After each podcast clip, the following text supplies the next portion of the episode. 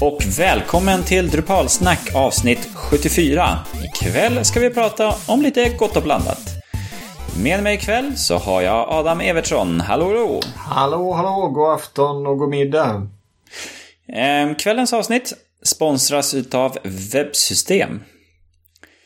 Ikväll så har vi inget stort ämne att prata om, utan vi har många små ämnen att prata om. Så eh, vi kommer hoppa lite fram och tillbaka i kvällens program, men eh, tappar du bort dig så kolla våra show notes på hemsidan där vi lägger upp vad vi pratar om.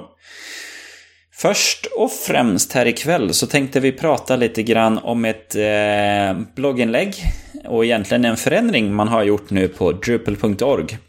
Och det är en ganska stor förändring som man har gjort. Eh, man har helt enkelt tagit bort Project Application Process.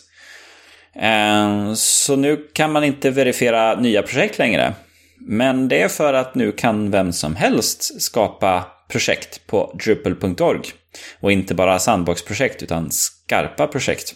Mm. Eh, och med det så har man också gjort om lite grann angående för security, hur vi tänker oss kring det. Eh, och då är det numera en opt-in om man eh, vill att sin modul ska vara Security-kontrollerad, eh, eller under security-teamets ansvar också. Så det behöver man se upp lite grann med eh, ny, nya moduler man laddar ner och tittar på. Men vad tycker du om det Adam? Jo, men alltså, jag är lite... Uh, jag vet inte. Kluven, tveksam, uh, jätteglad. Uh, det är många, många känslor här. Plötsligt så kommer alla känslorna på en och samma gång. Ehm, jag tycker att det är jättebra att de har förenklat den här processen med att få ut nya moduler. För att jag kan ju inte prata från, från egen erfarenhet eftersom jag inte har kodat någon egen modul. Men kollegor till mig har ju slitit med detta och det är en lång och tröttsam process eh, som har varit väldigt, eh, vad ska man säga, eh, styrd uppifrån. Eh, och det är jättebra att de förenklar den. Eh, det som jag är lite rädd för är ju naturligtvis det här med säkerheten eh, i Drupal. Mm. Att, som du säger, att när man hittar en modul framöver så är det inte säkert att Eh, den är täckt av säkerhetsteamet. Eh, jag hoppas ju att även när man lägger upp nya moduler att de ska välja att eh, gå med i detta eller då opt-in, att man väljer att att man ska täckas in av eh, och, och, få sin modul utvärderad och dubbelkollad och trippelcheckad. Men, eh, men det är klart att det finns ju en risk att vi här börjar chansera lite Eh, så att man börjar tulla på säkerheten. Och eh, det tycker jag ju inte om såklart. Mm. Eh, eftersom säkerhet är en av de riktigt stora positiva, eller man ska säga, en av de riktigt stora grejerna som jag lyfter fram när det kommer till Drupal. Det är ett sånt säkert system och det är ett rudimentärt arbete bakom eh, att hålla ordning och hålla säkerheten på moduler och kärnan naturligtvis. Eh, och jag hoppas att, att det här inte gör att det börjar falla eller vittra sönder lite i eh, kanterna. Så att eh, mm. jag mestadels positivt med, med en liten, liten eh, side order av eh, oh, hoppas att det här inte går åt fanders. Jag hoppas inte det. Va, hur tycker du, vad tycker du själv? Ja, ja, ja så här på ett sätt är man ju rädd för att kvaliteten ska gå ner. Mm. Eh, samtidigt så kan man ju se som på ja, men GitHub, där får ju vem som helst skapa och det finns mycket bra saker där. Ja, absolut. Eh, det som kan vara lite oroande det är att vi just nu bara har ett namespace. Så vad händer om någon tar ett bra modulnamnsnamn?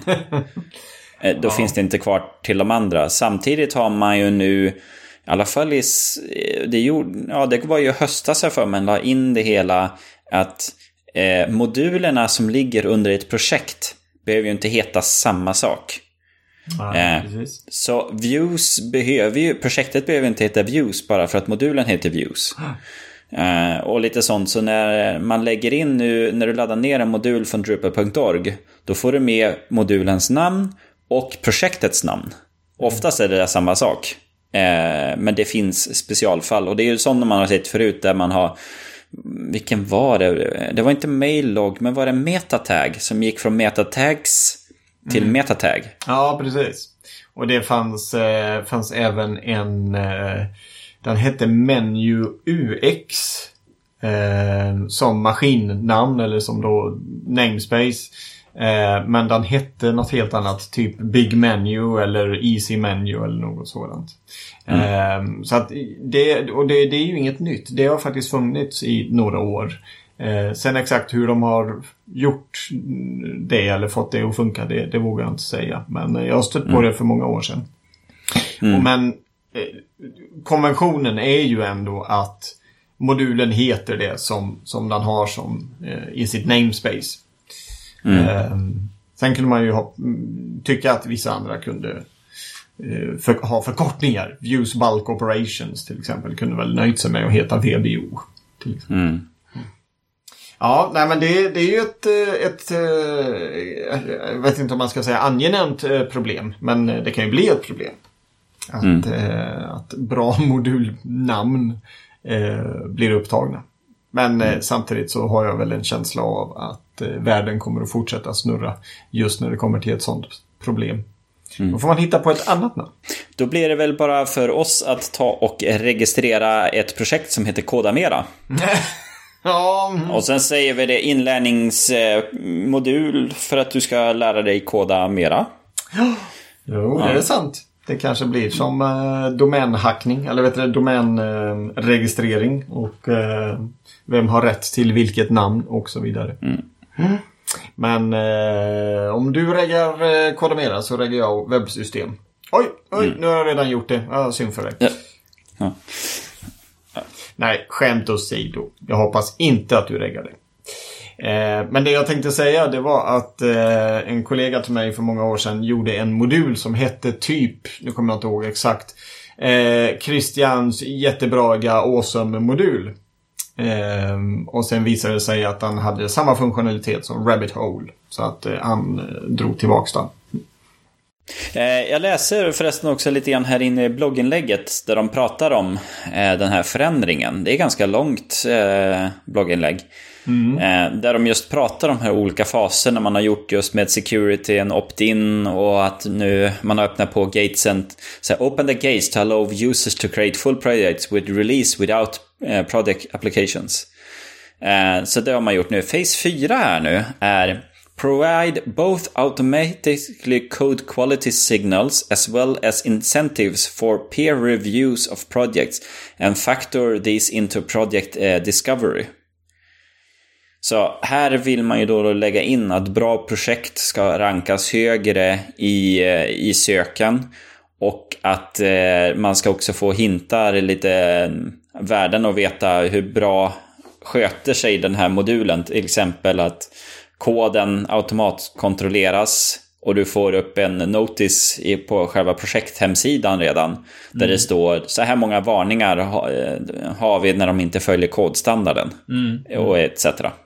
Det är ju jättebra. Jag menar det kommer ju bli nya guidelinjer för, för oss som, eh, som laddar ner moduler och utvärderar mm. moduler. Eh, mm. Och se liksom, sköter man, lyckas man, lyckas man förhålla sig till kodstandarder och, och se till att, eh, att man följer communityns riktlinjer. Ja, då, då är det antagligen bra kvalitet på modulen. Och sen så kommer ju naturligtvis alla andra faktorer in. Hur många är det som använder den? När uppdaterades den senast? Och så vidare. Och så vidare. Mm. Och även som de skriver att eventuellt också att manuella reviews av projektet ska kunna visas upp eller något sånt. Typ, om jag tänker mig så är det typ att varje projekt har en review-lista där du kan eh, skriva kommentarer om en modul och ge den stjärnor. Är det en femstjärnig modul eller en enstjärnig och lite så. Mm. Har det inte funnits något ratingsystem på Drupal.org tidigare? Eller är det jag som minns fel? Jag har aldrig sett det i alla fall. Nej, nej då är det säkert. Eh, det, det finns ju många sådana här sajter som listar som listar moduler ifrån eh, typ drupalmodules.com tror jag det fanns någon som hette. Eh, så det kan mycket väl ha kommit där. Att de, de suger in den informationen och sen kan man skriva recension där. För det kan man ju inte mm. göra på, på drupal.org på samma sätt. Utan mm. där har man ju fått förlita sig till statistik och, och versioner och hur många som använder den. Och så. Mm. Det hade varit lite intressant också ifall man kunde på något sätt ha eh, mentorskap. Liksom. Säg att jag nu skulle skapa, jag vet inte, eh, Trashbin-modulen. Och så skulle jag kunna be ja, vad fan, be dig eller be Dris liksom. Hej, kan du kolla igenom min kod? Och så säger de att ah, jag har kollat igenom koden för den här och så sätter att det här ser bra ut. Så får man, mm. för då får man ju också något slags, dels mentorskap eh, men även en, eh, en extra kvalitetskontroll eller vad man ska säga. Eller extra mm. parameter just när det kommer till, till det hela. Det kanske blir som Google, att, att sökmotoroptimering det är inte en sak utan det är hundratals olika saker. Det kanske blir samma på drupal.org. Vad är det som gör att, att en modul blir populär? Jo, det är det, det, det, det, det, det, det och det. Och 30 grejer till liksom. Mm, det ska bli intressant att följa det här. Ja, nej för på ett sätt har de ju ändå det här med modulaktivitet, att de försöker lyfta upp de där äh, siffrorna. Dels har man ju när senaste releasen kommer, men sen har du de där statistics. Hur många new issues har de, response rate, mm. first response och så här snittdelar. Ja. Och det är ju att kunna väga in dem mer då och kanske Ja, nej men det, det är ju ett sätt att kunna skilja bra moduler från dåliga moduler. Precis. Och jag tror det är viktigt för att få in eh, nya modulutvecklare att det inte ska vara ett halvår, ett års tids väntan på att din modul ska bli godkänd och du har en nitisk reviewer som tycker att det är viktigt att du sätter punkt på dina kommentarer. Mm. Ja, precis. Eh, jag ser en utav eh, just faktiskt kommentarer här, men kommentarer på blogginlägget Eh, en av de första här, en kille som heter Ayesh, han tycker ju att det här är en positiv förändring till det hela. Han är själv en projektreviewer, alltså han går igenom projekt och han skriver att det finns väldigt många bra projekt som ligger och väntar. Eh, och som har legat där väldigt länge. Men, eh, men som inte har kommit ut och blivit eh, fullvärdiga projekt på Drupal.org. Och så skriver han ju även då att Some have even abandoned the application because it took so much time to publish a module. Alltså det är folk som har övergett eh, sitt arbete för att det tar så lång, det, det har tagit så lång tid att eh, få en, en modul eh, godkänd. Mm. Eh, och det är ju ett, ett, problem som, som har varit länge och det, det har inte varit helt lätt att eh, få ut dem på ett enkelt och smidigt sätt. Så att eh, riktigt eh, bra att de har tagit tag i detta. Och det är många som har varit inblandade. Det är en lista här på 40-50 namn som har varit inblandade i, i diskussioner och att ta fram detta. Så att, eh, bra jobbat. Det ska bli intressant att se här. Eh, och jag får bara hoppas att mina farhågor här med säkerheten inte tullas på. Mm. Ja, och i anslutning till det här moduler och de bitarna så måste jag bara ta upp en sak här också. Ehm, jag vet inte om ni läste för några veckor sedan. Det kom eh, att en modul, Download File, hade en security issue som maintainern inte fixade. Vilket innebar att den modulen eh, stängdes ner och inte kunde användas längre. Eh, den modulen använder vi på två sajter och det är helt enkelt att man istället för att när du får en länk och laddar ner ett dokument, eh, till exempel pdf-er eller textfiler, då vill du inte kanske att de ska öppnas i webbläsaren direkt utan när du klickar på dem ska du webbläsaren tvingas att ladda ner den. Mm. Och eh, Eh, jag eh, tittade lite grann på modulen och den var ju ganska liten så jag slängde ut lite krokar eh, och blev till slut då inkopplad på den security issuen tillsammans med två andra personer också. Mm. Och då... Det är faktiskt den här killen som kommenterade din, den här första kommentaren där. Han ja, är med precis. där också. Aiesh, jag såg det. Aiesh. Eh, så att den modulen tillsammans med dem är jag numera maintainer för. För då fixar vi den där critical issuen och då kommer ut en stabil version utav den modulen. Det är bra. Ja. Bra jobbat. Eh, och eh, och den, den, är ju så här, den var ju jätteenkel. Det, det som var intressant med den där security issuen det var ju i att i princip så kollade den inte eh, om man hade rätt att ladda ner filen eller inte. Den kollade bara om URLen gick till slash private. Gjorde den det så fick du inte ladda ner den. I annat fall så fick du ladda ner eh, alla filer.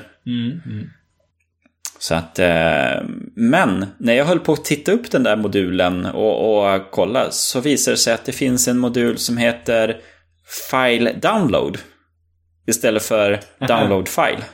Ja. Och File Download det är en D8-modul som skapades i december i förra året. Och då känner man ju så här, den gör samma funktionalitet. Eh, Project Review eh, skulle jag ju kunna sett det där, för då tvingas man ju ett steg för att få den godkänd är att kolla, finns det några liknande moduler? Ja. Eh, så nu, min uppgift här nu på fritiden framöver är ju att kunna eh, mergea ihop de här modulerna nu. Ja, precis. Och, Att så här, kan vi inte bara flytta in den här D8-koden ungefär? ja, exakt.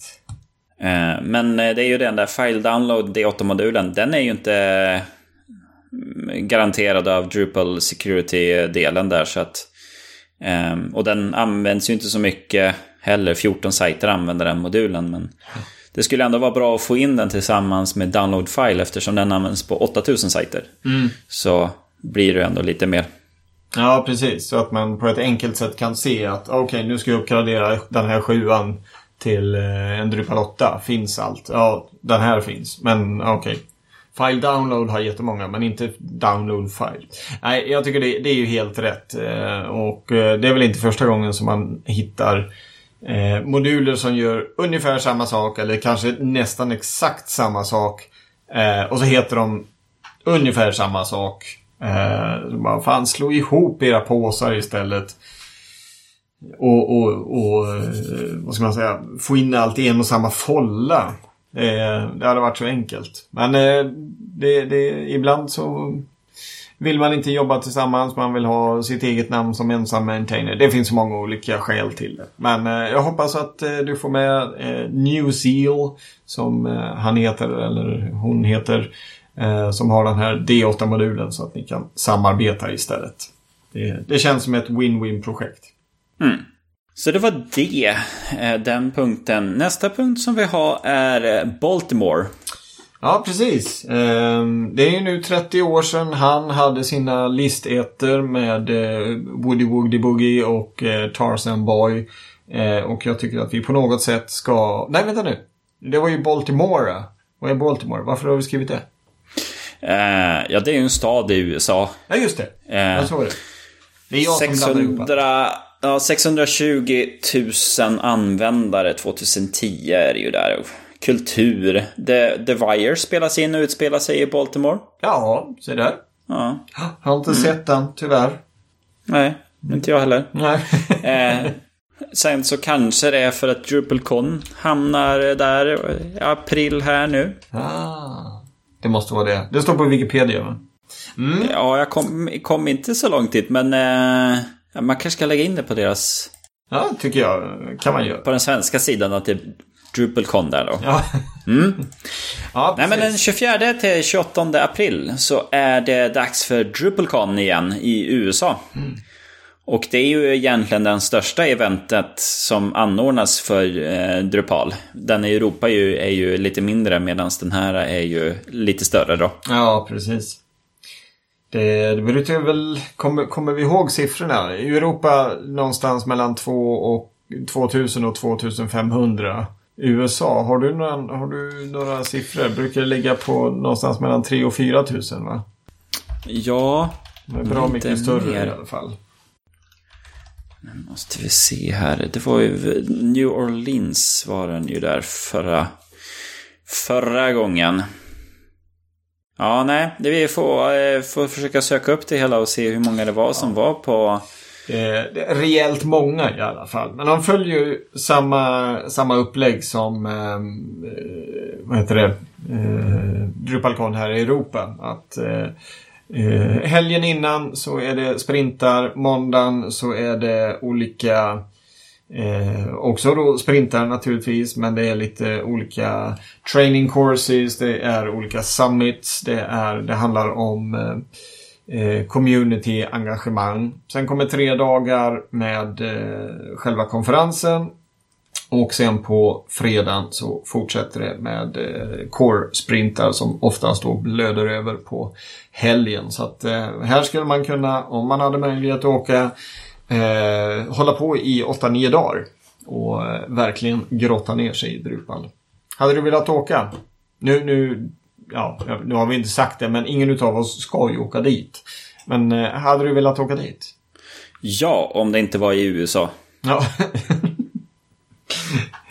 Nej, men eh, just nu, det, det, ska mycket till för, för mig att åka till USA. Eh, det, det, är ett häftigt land i, i många lägen, men deras syn på integritet är inte den bästa. Mm. Eh, vad var det jag läste någonstans nu? Jo, jag såg på en TED-talks där de pratade just om ansiktsigenkänning och att den kan diskriminera svarta människor. Jaha. Eh, men ja, att de inte känns igen. Men vita människor, de syns på en gång. Mm. Eh, men där pratar de också om att det finns statistik över att amerikanska myndigheterna har eh, egentligen ansiktsigenkänning på mer än hälften av USAs eh, befolkning. Oj då. Ja. För att de har ja, men, körkort på alla människor, passfoton, hela den biten. Så de har en databas på över halva befolkningen.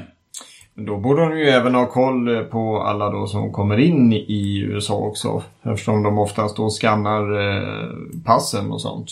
Yep. Och det går ju mer, mer och mer åt det. Det gör man ju även i Europa. Jag tänker på eh, när vi flög till Dublin och passerade eh, flygplatsen i, London.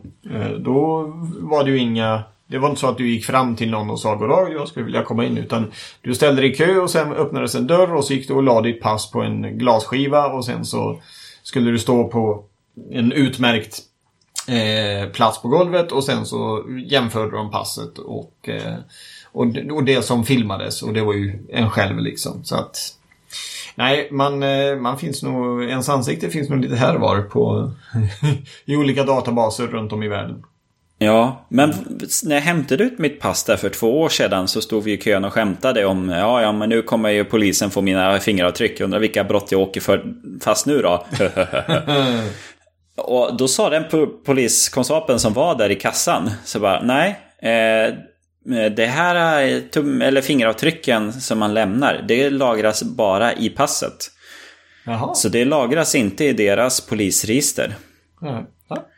Så att, och det jag för mig är likadant med bilderna. Att det sparas digitalt i passet. Så att de har ingen egen databas på det sättet. Men sen vet man ju inte hur mycket som är sant om, man, eh, om det verkligen stämmer eller inte. Men det, det, var i alla fall vad de sa. jag, jag har sett tillräckligt många avsnitt av Homeland och 24 och NCIS Los Angeles för att veta att nej du.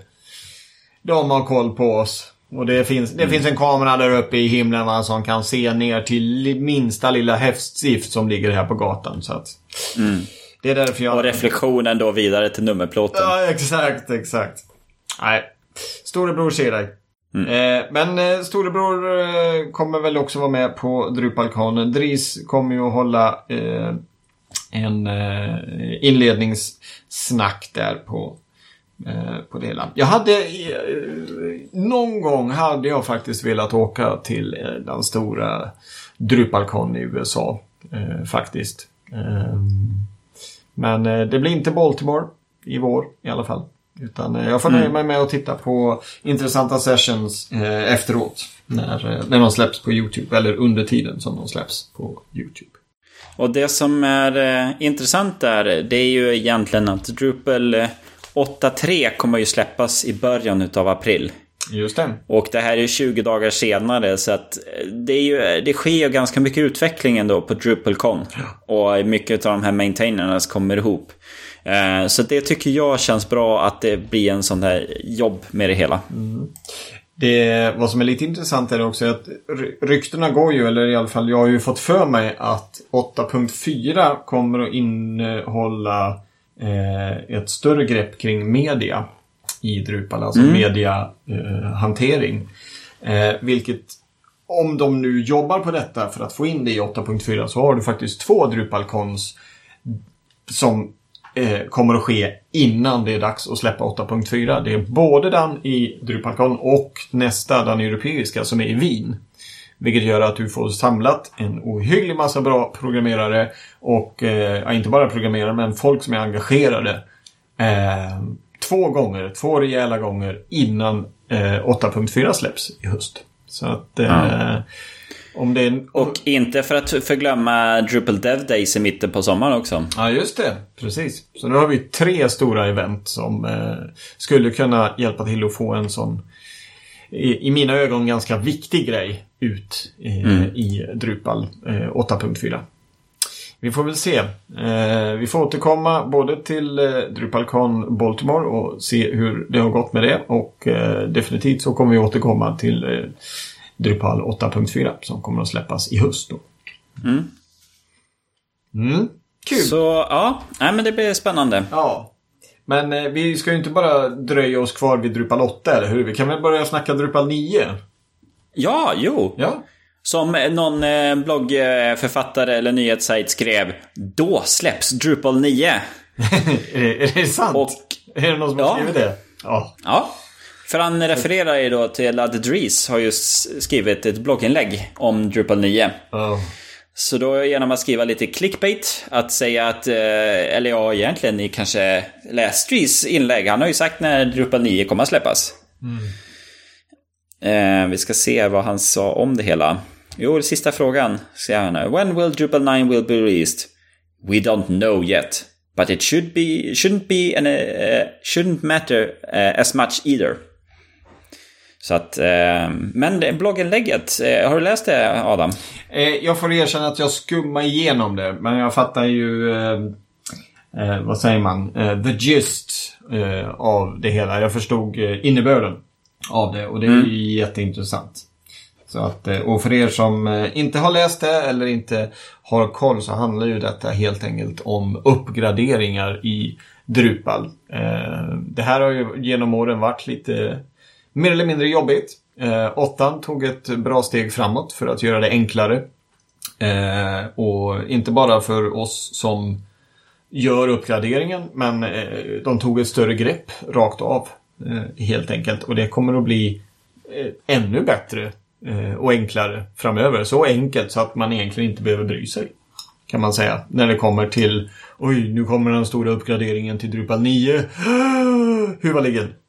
Eh, håller du med? Jo, Lekmanna-varianten. Men om vi går in på det tekniska och där är du mycket bättre på att förklara. jo, för att som man tänker så här nu när man går från 8, 9, eller från 8 till 9 är ju det att vi kommer att släppa 8.2, 8.3, 8.4, 8.5 och så tills vi känner oss nöjda. Och under den eh, vägen så kanske vi kommer fram till att ja, men den här funktionaliteten skulle vi vilja ta bort från Drupal. Eh, och då eh, gör man som så att i en fas då, då börjar man deprecata saker och ting. Till exempel om eh, bokmodulen som finns i Core. Om man känner att den där, nej, vi ska bort med det hela. Eller overlay för den delen. Ja, tack. Ehm, och då, då börjar man att man säger att vi deprecatar dem. Och innebörden av att säga att den är deprecated är ju att man flaggar upp och säger att den här kommer ta bort. Men just nu funkar den fint. Använd den så mycket du vill, men kom ihåg att eh, i framtiden kommer vi ta bort den, så den funktionaliteten kommer att försvinna. Eh, och det där har man ju som i POP. Finns det deprecated funktioner. Man, eh, I nu POP 7 så var det en del funktioner mer som man fick varningar om att de är deprecated. Men de, de fungerar ju fortfarande. Eh, och det här kommer man göra. En sån diskussion som jag var aktiv i på drupal.org. Det är när man pratade om att deprecata multisite-supporten. Helt enkelt, som det är just nu så kan du ha eh, två, tre eller hundra eh, Drupal-sajter som sitter på samma eh, kodbas. Men de har olika databasinställningar, så, men de delar ju core. Eh, och, och det gör ju att kodstrukturen, eller katalogstrukturen blir ju, det gör ju att vi måste ha den här sites-katalogen. Vilket för nya personer känns lite konstigt. För då måste du förstå vad är multisite för att kunna förstå varför ska det finnas en siteskatalog. Ja. Eh, och då vill man ta bort det hela. Eh, och då ska ju, för att kunna ta bort det hela så måste man ju deprecata det hela. Så då var den frågan, ska vi deprecata den redan nu i Drupal 8? Så att vi kan ta bort det i Drupal 9? Eh, som svar på den frågan är att eh, folk använder multisite och det är en väldigt bra funktion så att det kommer inte försvinna. Eh, men, det, eh, men som i overlay skulle man kunna ha gjort då. Nu har den ju försvunnit helt och hållet. Men man samlar på sig då helt enkelt moduler, funktionalitet som man deprecatar. Men vid något läge så vill man ju verkligen slänga bort den där koden. Så det är, då, det är det man gör då i Drupal 9. Det är helt enkelt att man tar hela Drupal 8 och sen tar vi bort alla deprecatade moduler och sen släpper vi Drupal 9. Eh, och det är den enda ändringen vi kommer att göra. Ingenting annat kommer att ändras. Och det innebär att om din sajt inte använder några deprecated moduler och det lär finnas rapporter för det du kan se. Har jag några deprecated moduler aktiva eller inte? Om du inte gör det, då fungerar din sajt i Drupal 9 utan några kodförändringar, utan några, eller ja, kodförändringar blir det, men utan några databasförändringar eller några nya förändringar, nya moduler som ska installeras eller något sånt. Um, så det är, det är tanken. Så uh, att uppgradera till nian kommer att vara på ett sätt enklare än att gå från 8.2 till 8.3. För det kommer bara stänga av funktioner du inte använder. Om du inte använder dem då, då måste du ju bara migrera över dem då. Men du har ju fått, du lär ju få en hel del notifieringar innan att du använder deprecated kod. Precis. Ja, jag tycker det låter helt underbart för, eh, för framtiden. Det gör att det blir enklare att gå från en version till en annan. Och Mm. att... Ja, som du säger, alltså de modulerna som blir deprecated, de blir ju det av olika, eh, olika anledningar. Och det oftast är det väl för att de helt enkelt inte används. Att de tycker att de har, de har antingen vuxit ur eh, skalet liksom. Mm. Nej, det är kul att höra och eh, ska bli intressant att se eh, och följa det här framöver också. Och definitivt då att läsa det här blogginlägget där, så vi får reda på när Drupal 9 släpps. Mm. Ja, nej, så det, ehm, det är framtiden då. Då vet ni när Drupal 9 släpps. Det är när vi har byggt på oss till mycket, tillräckligt mycket garbage i åttan som är deprecatade som vi vill rensa ut. Mm. Precis. Och just nu så har vi inget sånt utan nu är bara allt fräscht och rent. Ja. Um, övrig nyhet för Drupal eh, Association, eller Drupal överhuvudtaget, är ju att Drupal Association, att det har hållits ett val eh, för eh, deras styrelse. För Drupal Association har ett antal personer som eh, sitter då i en styrelse och sedan har man två platser som väljs in utav communityn. De andra är väl egentligen organis organisationen sig själv som tillsätter. Men två stycken tillsätts eh, från communityt där man har en omröstning. Så det har precis avslutats för en vecka sedan. Så nu väntar vi väl på resultatet. Jag har inte sett någonting än. Vilka två nya det var. Men eh, Nej, det kommer väl som, små, som småningom. Ja, precis. Ehm, vi ska se om... Det är faktiskt om tre dagar, eh, den 24 mars. Då ska de gå igenom eh, och eh, presentera vinnarna. Eh, eller vinnaren. Så att eh, vi får, när, det här, när ni lyssnar på detta så, så vet vi det. Eh, vem som blev det. Eh, har, du, har du tittat på de olika kandidaterna? Ehm, ja, men jag känner inte igen någon utav dem. Eh, jag känner faktiskt igen eh, två stycken. Eh, dels så är det eh, Schnitzel. Eh, som om jag...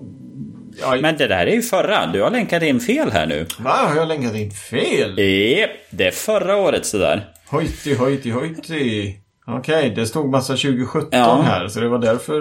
ehm, det var därför jag trodde att det var året. Okej. Ja. Nej, så vi har en till länk. Och den andra som det, Adam klickade på kommer vi inte visa. Nej, nej, den tar vi bort. Den tar vi bort. Eh, Ja, nej men eh, då, då tar jag tillbaka det. Men schnitzel kände jag i alla fall igen oavsett. Även om det inte då var årets. Helt enkelt. Ja. Nej, för årets då är det eh, lite blandat. Det är bara en tjej här nu. Resten är killar. Det var lite Ehm, synd.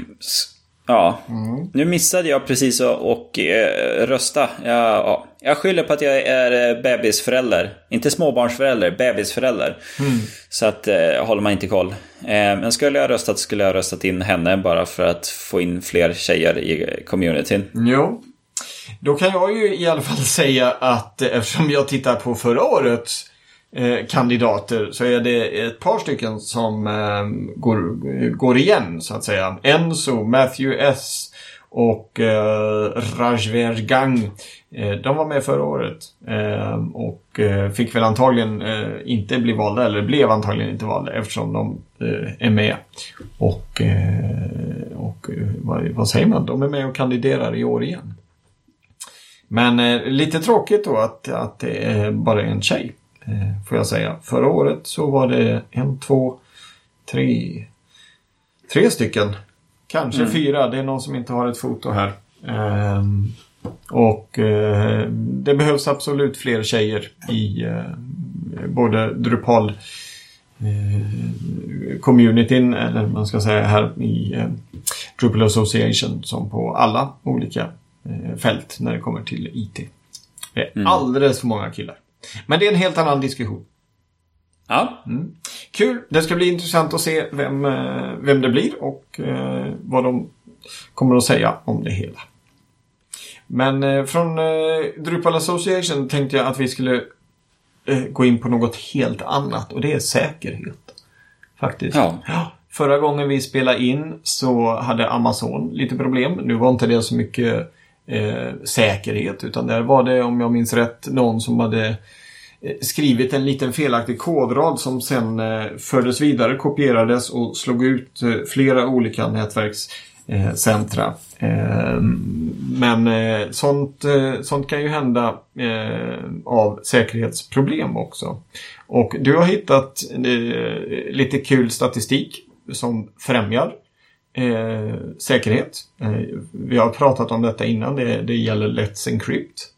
Och ehm, eh, som, som har gjort, vad ska man säga, det, de har gjort det väldigt enkelt och väldigt billigt att skaffa eh, säkra uppkopplingar, alltså skaffa certifikat så att man kan ha SSL eller TLS som det egentligen heter då. Mm.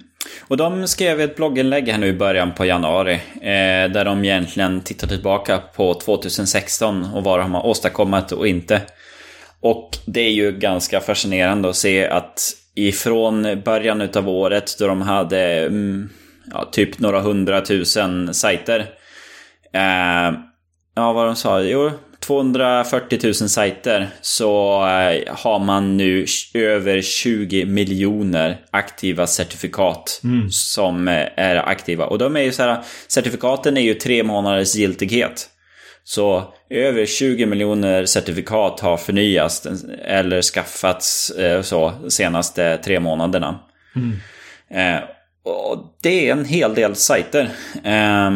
Um, vad de skriver här, över 6700 nya förfrågningar eh, per sekund hanterar de.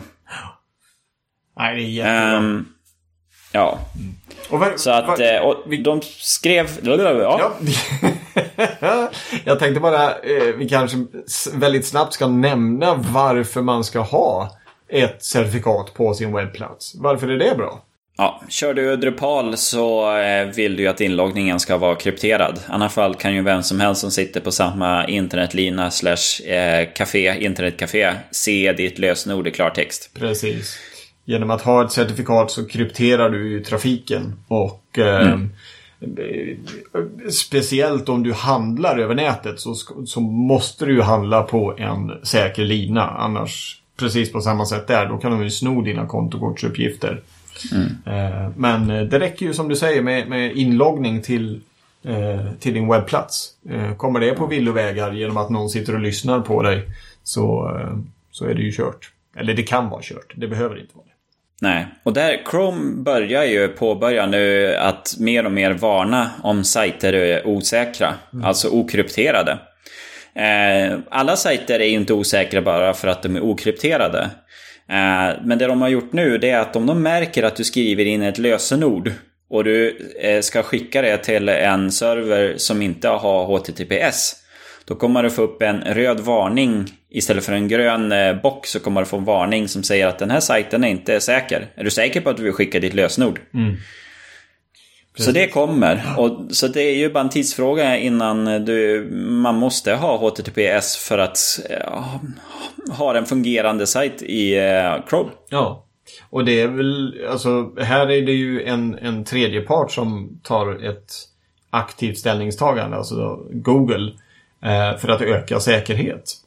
Eh, mm. Och de har ju, eh, om inte de här två eller tre eh, orsakerna eller skälen till att skaffa ett, en säker uppkoppling, alltså ett, säk, ett certifikat på din sajt, så, så ger ju faktiskt eh, i alla fall Google, jag vet inte om Bing har börjat ge plus i kanten också, men Google ger ju plus i kanten just när det kommer till sökmotoroptimering om du har ett certifikat, om du kör en säker anslutning. Och eh, de visade lite statistik där också som de hämtat, eh, eller egentligen Firefox som har hämtat in den eh, statistiken. Där de säger att under året 2016 har vi gått ifrån att 39% utav alla page loads gjordes via HTTPS. Så ligger vi nu på 49% utav alla page loads. Mm. Så vi är väldigt nära nu att över hälften utav all webb går via kryptering. Mm.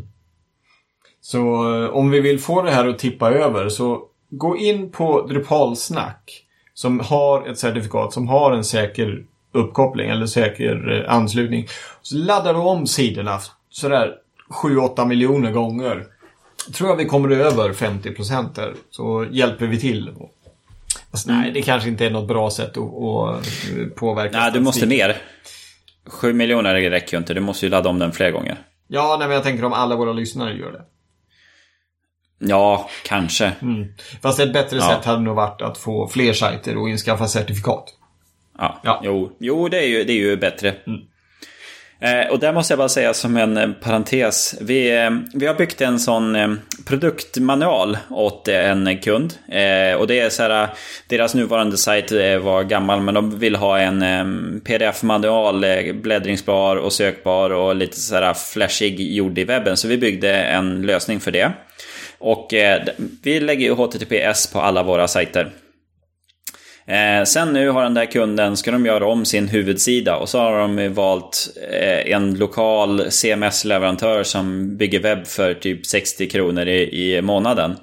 Eh, alla kunder ser likadana ut. Och då börjar de fundera på att iframea in den här produkthandboken och då får vi en, ut, en fråga från en utvecklare på det här lokala CMS-bygget. Att eh, varför använder ni HTTPS på er webb? Ah. På produkthandboken. Och det är så här, vad svarar man på en sån fråga? Mm. Ja, varför inte? Ja, precis. Det, liksom. det, det, finns, så här, jag har aldrig stött på något problem där HTTPS gör saker och ting krångligare. För det, man har ju oh, problemet om du... Jaha. Men, eh, men i alla fall, oftast har man ju det att om, eh, om en sida inte är krypterad så kan du inte iframea in den om du kör HTTPS. Mm. Men du kan ju gå åt andra hållet. Ja. Så att det ska inte vara något problem. Men du har alltså stött problem med att det har varit HTTPS? Ja, det har jag. Eh, men det hade inte med själva webbplatsen att göra utan ett tredjepartsverktyg.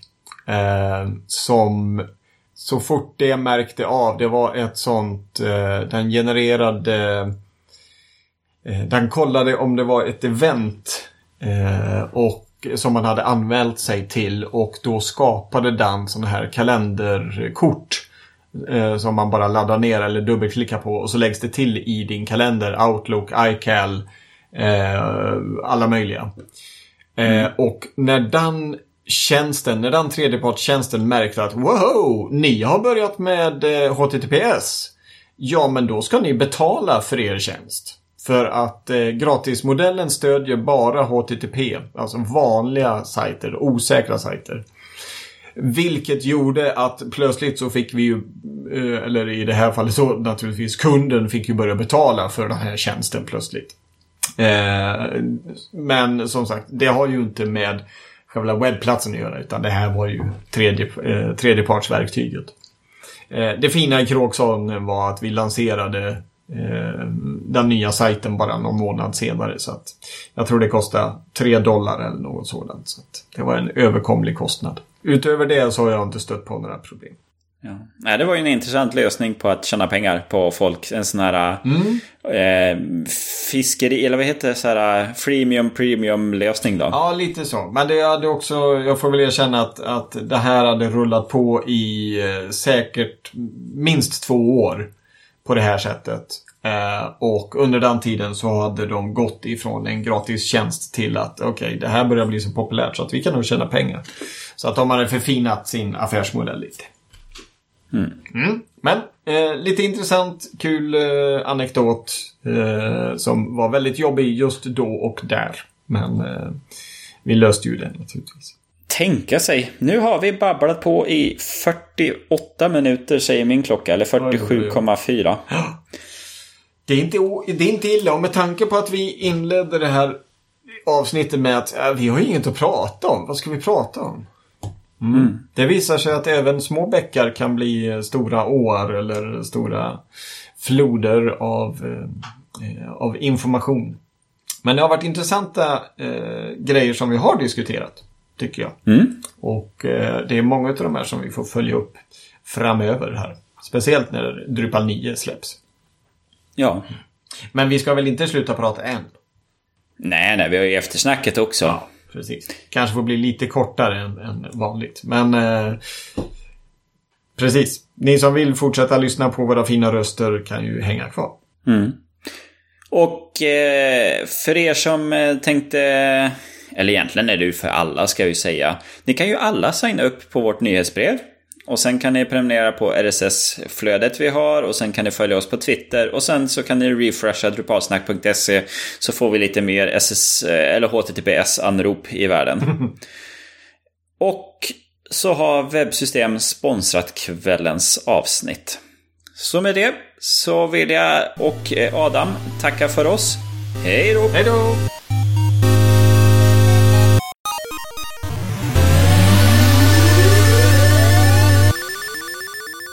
Då har vi eftersnack. Ja. Härligt. Nu är det dags att knäppa upp byxorna då och fram med, med eh, ölen eller biran eller eh, kolsyrade läsken eller vattnet. Det beror på hur, hur mycket man har där hemma. Ja, precis. Jag trodde du skulle säga något helt annat där. Men eh, ja, jag sitter alldeles för långt ifrån kyl och kök så att jag får nöja mig med att, att bara Ja, jag vet inte. Säg att eh, jag har olika sockar på mig idag. Är, jo, men det har jag med. Ja, det är rocka sockarna. Snacka om att eh, ett eh, intressant en intressant happening har blivit någonting som folk eh, engagerar sig i. Jag, jag, tror aldrig jag har sett så mycket olika fötter i mitt, eh, i mitt Facebook-flöde som idag. Det är olika sockar till höger och vänster och på nyhetssajter och på Twitter. Nej, jag tycker det är, ja, jag tycker det är ett väldigt bra eh, engagemang. Mm. Eh, och det är så här, jo men jag tog på det hela, jag kollade andra företagare på väggen, eller på jobbet. Och eh, så tittade ner vid fötterna och sa, ah, nej men ni verkar inte ta det här med mångfald på seriöst i företaget. eh, men då visade det sig att eh, när han tog av sig skorna så hade han det. Det var bara uppe vid strumplästen där som det inte syntes att det var olika sockar. Mm. Så att eh, då hade de eh, tagit det, tagit det till sig också. Ja. Vi måste väl dock eh, skänka en liten tanke och kanske en tyst minut till alla hipsters där ute som faktiskt gör detta till en grej året om. Eh, att eh, jo, nej, men jag är så hipstig så att jag, jag bryr mig inte om att ha likadana sockar utan jag har olika sockar varje dag bara för att jag är hipstig. Eh, mm. Så att den här dagen då vi faktiskt belyser mångfald så kan vi ju även då gråta en liten tår till de här hipstrarna som inte är lika hipstiga just den här dagen. Men eh, imorgon så är de hipsters igen. Så att eh, idag får vi eh, koncentrera oss på mångfalden. Ja. Och sen får man glädja sig åt att man har sparat eh, de här enda strumpan utav eh, saknade par. Ja, just det. Kan man ta fram dem där, eh, alla de här som man har en, en utav paret kvar utav. Mm, mm. Eller det har gått hål eller något sånt där om man har slängt dem i otakten och sånt där. Det är bara att ta fram den lådan här nu. Det var så jag gick igenom. Så bara, ah, en vit och en svart omaka par. Nej, det blev en eh, neongrön här nu Ja. på ena foten. Ja, men det är bra. Det är bra. Ja, det har du rätt i. Det, äntligen får man lov att plocka fram dem. Alltså jag är så tråkig så att mina arbetssockar, eller de sockarna som jag har till arbetet, där, jag- där åker jag och köper exakt samma sockar i storpack på H&M vilket gör att jag, jag har liksom 20 olika, eller 20-30 sockar som ser likadana ut. Och så har jag dem dag ut och dag in. Förutom idag när jag har eh, en eh, rödrandig och en gulprickig socka. De, Ja, de, här, Det är typ som jag. ja, de här fina sockarna som eh, med mönster på. Eller ska väl också sägas att nu börjar det förändras lite men, men några år tillbaks då, då var ju de här lite designersockarna de var så jäkla dyra. Men eh, nu börjar det slå igenom att det ska vara färgglada sockar lite här och var. Jag köpte bland annat eh, från mina döttrars jultidningstidning eh, något paket med sju par färgglada sockar och de kostar ju noll och ingenting. Så att, eh, Eh, Jag kanske får, eh, får lov att ändra om mitt eh, sockbeteende på jobbet också. Ja. Jag vet inte hur du gör, men jag går ju med inneskor på kontoret, såna här tofflor. Jo, men Eh, så då blir det väldigt. Synligt när man har konstiga sockar. Det är sant. Det är sant. Men eh, ja, nej, jag tror faktiskt att alla på vårt kontor går med eh, inneskor. Eh, någon undantaget kanske. Men man står upp och, och man går mycket fram och tillbaks eh, mellan mötesrum. Så att eh, det är inte fel att ha eh, innetofflor som är lite mer fotriktiga än, än eh, gympadojor eller något sådant. Ja. Och för att vara sån så kan jag ju säga att min kollega, han går runt med foppatofflor då. Eftersom vi är från Övik. Ja, ja. Ja, det, det kan man ju tänka sig. Jag hade foppatofflor när jag började på Kodamera. Och efter första sommaren så hade kontorshunden bitit, bitit ihjäl dem. Sen har jag inte haft några. Så att eh, jag kanske ska vara tacksam. Ja. Helt enkelt. Ja, Foppa, är han från eh, Övik? Ja då. Ja. Du. Eh, han är ju här på besök lite nu och då. Han bor ju numera nere i Stockholm. Men hans pappa, eh, Kent Forsberg, bor ju här. Han har ju stuga så att man kan gå och hälsa på om man vill. Okej. Ja, det var, då har jag lärt mig något nytt idag. Det visste jag inte att han kom därifrån. Ja, jo då. Han eh, och Marcus Näslund och sen var det ju några andra. Det var ju typ, de spelade ju hockey i en sån småskola här varenda dag i typ tio år. Och eh, sen så kom man ju båda de två till NHL och blev toppspelare där. Så de har ju haft bra utbildning Ja, ja. och mot, mot varandra. Men vi har många NHL-spelare här i, från Övik. Vi har ju Sedinarna just nu. Eh, de är ju härifrån Övik. De är ju från min eh, kvarter också. Så att... Eh, ja, vi är lite bortskämda med det. Nu går det inte så bra för Modo eftersom vi spelar Allsvenskan. Eh, klarar oss kvar där, men... Ja, det, vi pratar inte något mer hockey. Nej, precis. Vi kan väl bara säga att eh, som den gamla folkkära poeten eh, Lotta Engberg att det går upp och det går ner helt enkelt. Sen, jag måste bara säga tillbaka till Rocka Sockar här nu också. Jag frågar ju då dottern, fem år, eh, så här, för de hade ju haft det hela. Ja, men det var de flesta i hennes förskoleklass haft Rocka Socken och, och frågade om de hade pratat om vad det innebär. Jo, men eh, fröken har ju berättat för dem att det handlar ju om att alla barn är lika mycket värda. Och sen ställer jag frågan till henne, vad betyder värde? Ja, det vet jag inte. Ja, ja, ja. Jag hoppas att du förklarade det för henne. Jo, jag försökte här med pengar och så. Ja, just det. Men det blir så, det, det blir så här fel också. Så bara, ja men tänk, eller så här, pengar har ju olika värde. Det är som människor. Nej, det, Precis. det blir inte rätt. Tänk, tänk dig nu att dina kompisar är värda fem kronor.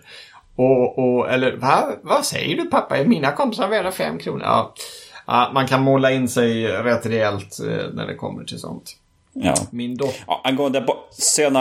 Ja, fortsätt du. Ja, jag, jag, tänkte bara en liten anekdot som, som har rätt många år på nacken nu. Men eh, när jag skjutsade min dotter till skolan för många år sedan så kommer plötsligt från ingenstans den här frågan. Pappa, hur blir barn till?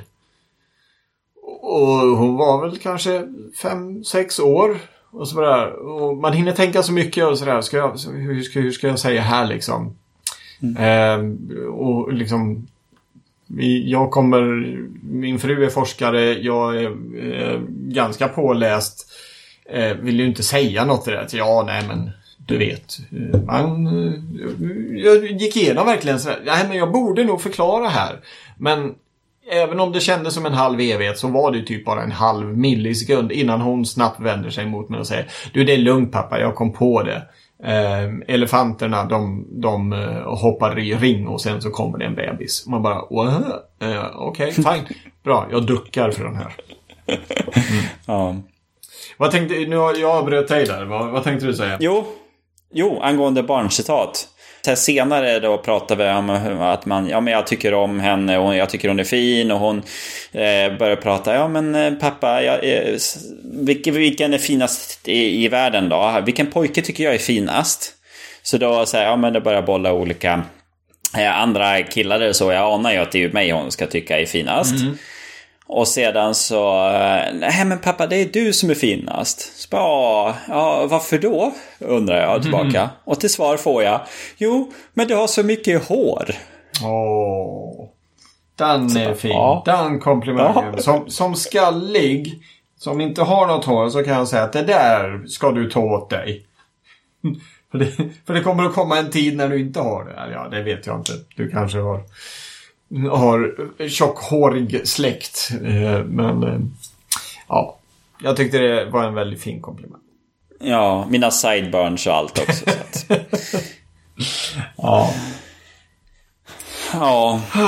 Nu skickar du in mig här på en, en uh, resa i tid och rum när jag faktiskt hade hår.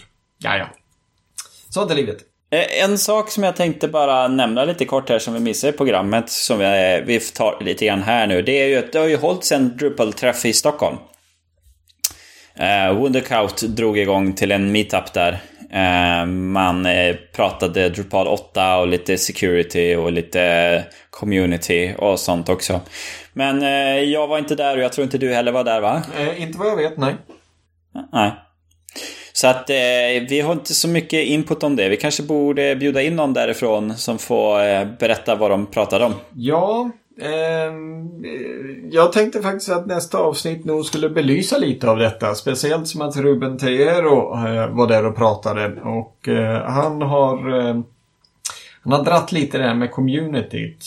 Eh, och eh, jag ska inte gå in på exakt vad det är han har jobbat på. Men jag misstänker att han eh, berättade lite om detta uppe på den här meetupen. Så att eh, min plan är faktiskt att vi ska försöka prata med Ruben och eh, fråga ut honom lite vad som är på gång. Helt enkelt. Så att det får bli en liten cliffhanger mm. till nästa vecka. Men eh, vi kan absolut prata mer eh, community eh, också. För det är en väldigt kär punkt för oss båda vet jag.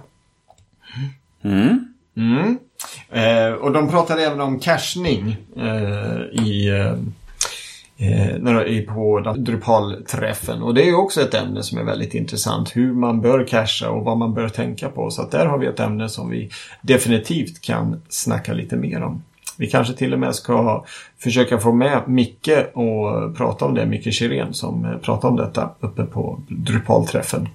Och kan han tänka sig att prata inför eh, levande människor så kanske han kan tänka sig att prata i en mick. Mm.